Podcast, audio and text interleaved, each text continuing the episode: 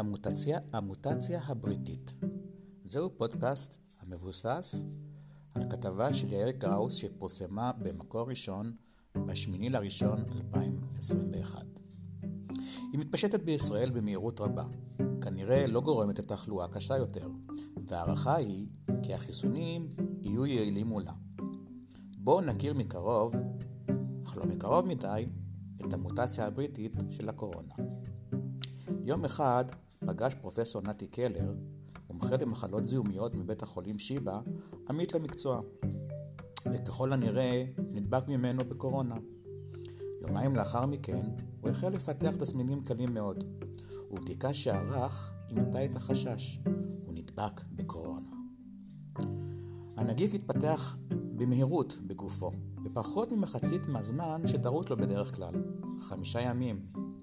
ומהממצאים עלה כי הנגיף שאחראי להידבקותו מהירה, המהירה אה, מהרגע שנחשף לחולה אחר היא המוטציה הבריטית.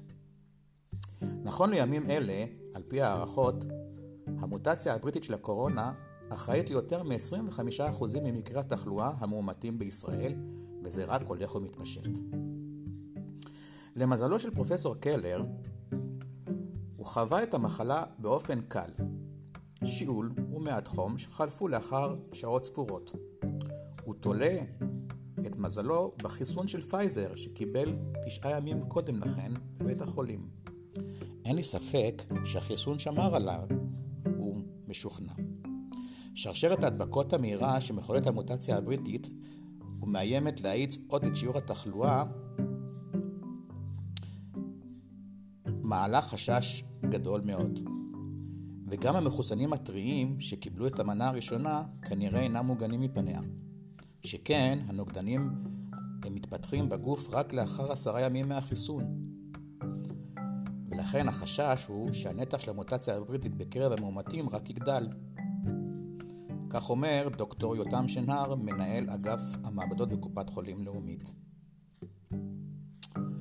אך כיצד צמחה הממזרה הקטנה, שבניגוד לכללי האיפוק הבריטי, מדביקה המונים ומאיימת להקריס את מערכת הבריאות בממלכה המאוחדת? מוטציות בנגיפים אינם דבר חדש, ועד כה נתגלו ברחבי העולם יותר מ-4,000 רצפים גנטיים שונים של נגיף הקורונה. המוטציה נוצרת בתהליך התפתחותו של הנגיף, בעת שכפול שלו בגוף הנדבק, ועשויים לחול בו שינויים גנטיים קלים. מדוע זה קורה אתם שואלים? נגיף, אתם צריכים לדעת, ובעיקר נגיף, אה, אה, נגיף הקורונה, נגיף שנקרא נגיף RNA, או רטרווירוס בשפה מדעית. הנגיף אינו יכול להתרבות בעצמו. על מנת להתרבות הוא צריך לחדור לתא פונדקאי ולחיות בתוכו ולנצל את מנגנוני ההתרבות הטבעיים של התא על מנת להתרבות בעצמו. כיצד הוא עושה זאת? הנגיף בשלב הראשון מחדיר לתוך התא המאחסן את המטען הגנטי שלו. במקרה של נגיף הקורונה, המטען הגנטי נמצא בתוך מולקולת RNA. הנגיף מחדיר בנוסף גם אנזים שנקרא reverse transcriptase. האנזים הזה דואג לכך שמולקולת ה-RNA של הנגיף אה, תשוכפל בצורה ברוורס למולקולת DNA כדי שיוכל אה, להשתלב בתוך ה-DNA של התא המאחסן.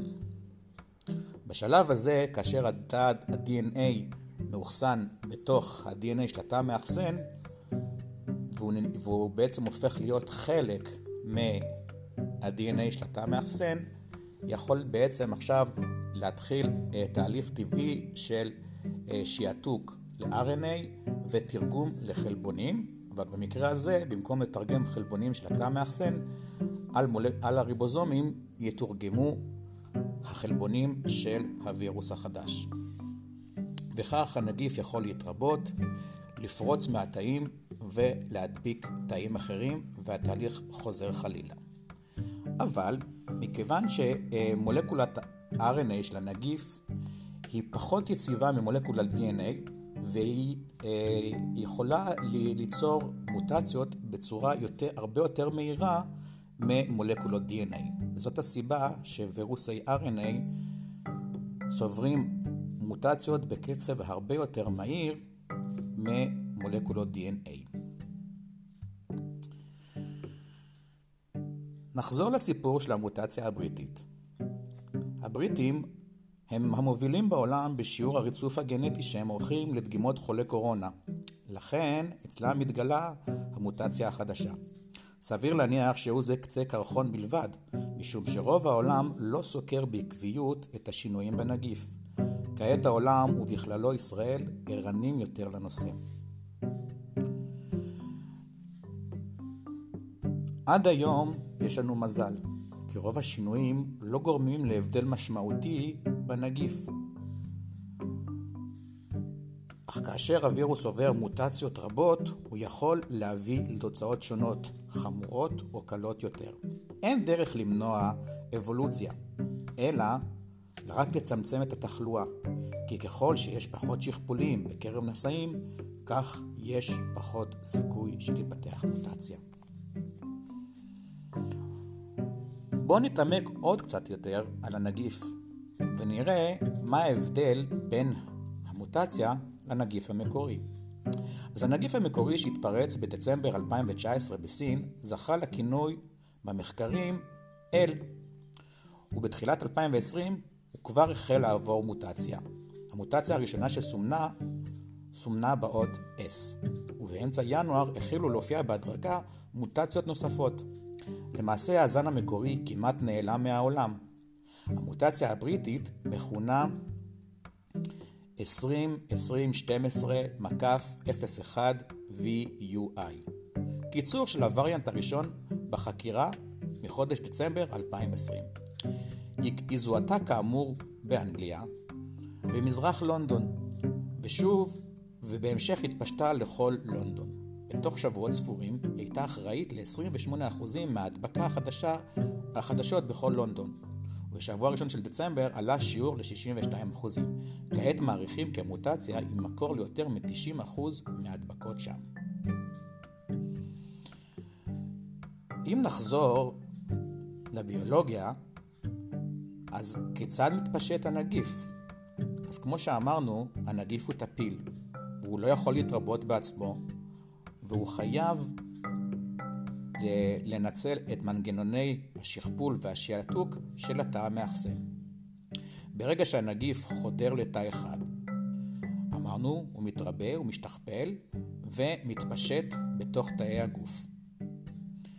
ברגע שחולה מתעטש למשל, נגיפים מהפה שלו שנכנסו למערכת הנשימה והתבססו שם, יכולים אה, לעבור לאדם אחר. יתבססו שם, ישתכפלו, וכך תמשיך, תמשיך בעצם אה, ההתפשטות של הנגיף. כאשר הנגיפים מתבססים בתוך גוף האדם, הם הורגים את התאים המאחסנים, יוצאים ומדביקים תאים אחרים. התהליך נמשך עד שנוצרת מחלה פנימית קלינית. המוטציה הבריטית יודעת להתקשר מהר יותר לתא, ולכן תהליך ההכפלה שלו מהיר יותר. אך כאמור, היא כנראה לא מביאה למחלה קשה יותר. השאלה שמטרידה את האנושות היא, האם המוטציה הבריטית עלולה לגבור על החיסונים החדשים, ואם אנחנו עלולים לאבד את היתרון שלהם נגד מוטציות נוספות, שעוד עלולות להתפתח בהמשך, כמו זו שצצה בדרום אפריקה או במזרח הרחוק.